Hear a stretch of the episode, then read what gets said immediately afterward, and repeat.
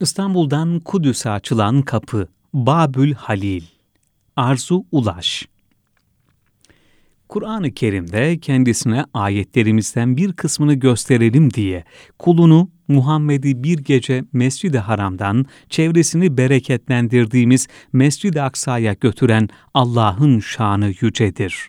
Hiç şüphesiz O hakkıyla işitendir, hakkıyla görendir. İsra 1 ayetiyle Cenab-ı Hakk'ın Miraç yolculuğunda sevgili Peygamberimiz Hz. Muhammed sallallahu aleyhi ve sellemi bu kutsal mekana uğrattıktan sonra huzuruna alındığı anlatılmaktadır. Bu ayeti kerime ile kadir ve kıymetine işaret edilen peygamberler şehri Kudüs-ü Şerif, Müslümanların ilk kıblesi ve üç haremi şerifinden biridir. Dünya tarihinde yeni bir çağ açılan kapı Fatih Sultan Mehmet'in 1453 yılında İstanbul'u fethiyle Topkapı'dan açılmıştır. Dünya tarihinde yeni bir çağ açılan kapı Fatih Sultan Mehmet'in 1453 yılında İstanbul'u fethiyle Topkapı'dan açılmıştır cihan hakimiyeti anlayışıyla hüküm süren Osmanlı sultanlarından Yavuz Sultan Selim 1516'da İslam coğrafyasında Safeviler tarafından çıkarılan fitneyi yok etmek üzere doğuya yönelmiştir. Çaldıran zaferinin ardından Suriye, Filistin ve Mısır'ı da idaresi altına alan Yavuz Sultan Selim, halifelik makamıyla İstanbul'dan Kudüs'e ve tüm İslam beldelerine huzur ve adaleti getirmiştir. Osmanlı döneminde bilhassa Kanuni Sultan Süleyman, Sultan II. Mahmud, Sultan Abdülaziz, Sultan II. Abdülhamit Kudüs-i Şerif'in tamir ve bakımına ehemmiyet vermiştir.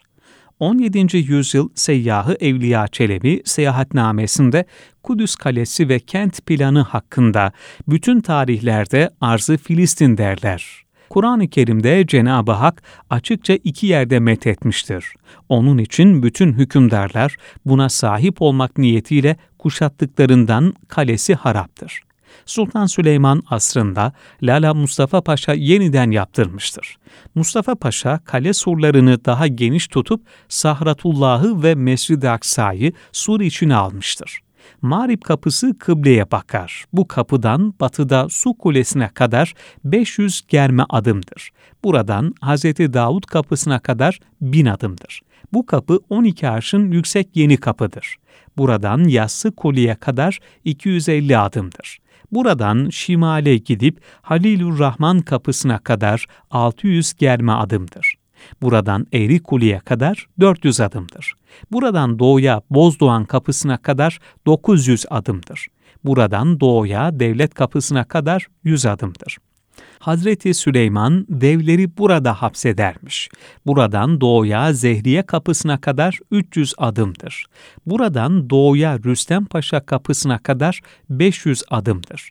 Buradan Meryem Ana kapısına kadar 500 adım, buradan Mescid-i Aksa'nın 17 avlusu köşesine kadar 600 adımdır.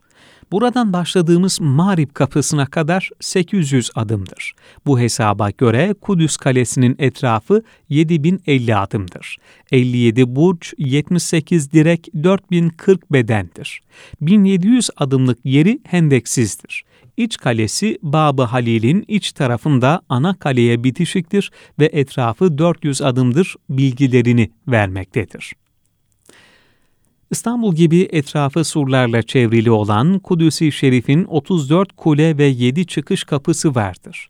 Bu kapılar Babül Amud, Babül Halil, Babül Marib, Babül Esbat, Babül Sahire, Babül Nebi Davud ve Babül Meryem'dir. Kaynaklarda şehrin kapı sayıları hakkında 14, 7, 8 gibi farklı bilgiler bulunmaktadır.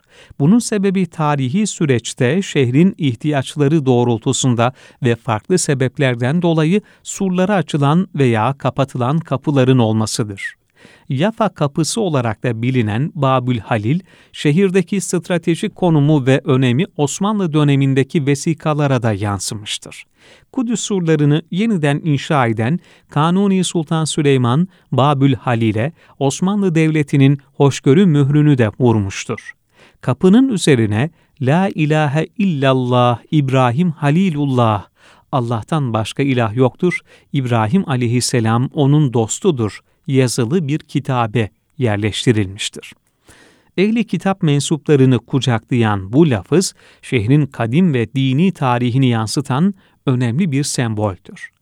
Babül Halil kapısına nakşedilen hoşgörünün nesillere aktarılması için sarf edilen çaba, çoğunluğu 19. yüzyıla ait arşiv belgelerinde görülmektedir. Babül Halil kapısına gösterilen ehemmiyet nedeniyle yapılan tamir ve bakımlar kronolojik olarak şöyledir. 20 Aralık 1865 tarihli belgede Kudüs-i Şerif kasabasının etrafındaki sur üzerinde bulunan kapılardan iç kaleye yakın olan Babı Halil adıyla bilinen demir kaplı büyük kapısı 400 seneden beri tamir ve bakımının yapılmamasından dolayı üzerinin taş ve duvarı oynanarak yıkılacak dereceye gelmiştir her sabah ve akşam açılıp kapanırken zahmet çekilmektedir. Bu kapı ise Kudüs-i Şerif kapılarından en işlek olanıdır. Bu kapıdan müzera, yolcu ve yabancıların geçmesi nedeniyle kapının hafifçe bir tamiriyle birkaç zararının giderilerek üst tarafındaki duvarın sonuna kadar sökülüp mükemmel bir şekilde yeniden acil yapılması gerekmektedir. Kudüs'te bulunan ilmi hendeseli askeri kolağlarından Arif Hayri Efendi tarafından keşif defterinde 27824 olarak gösterilmiştir. 2 Mart 1866 tarihli belgede ise Babı Halil Kapısı'nın bu tarihten önce tamir edildiği ancak şimdi de demir kapaklarında sorun olduğu bu nedenle gece ve gündüz açılıp kapatılırken sorun yaşandığı yazılıdır. 10 Temmuz 1872'de Kudüs'te cuma günleri kapıların kapanması adetinin Müslüman ve gayrimüslim cemaatin isteği üzerine lağvedilmiştir. Kudüs'te imar faaliyetleri devam ederken 1876 yılına tarihlenen bir gravürde Kudüs'ten İstanbul'a gelen askerlerin karşılama töreni tasvir edilmiştir iki şehrin bağlarını ve kardeşlerini göstermesi açısından önem arz eden bu gravürdeki karşılama töreni hakkındaysa bilgiye ulaşılmamıştır.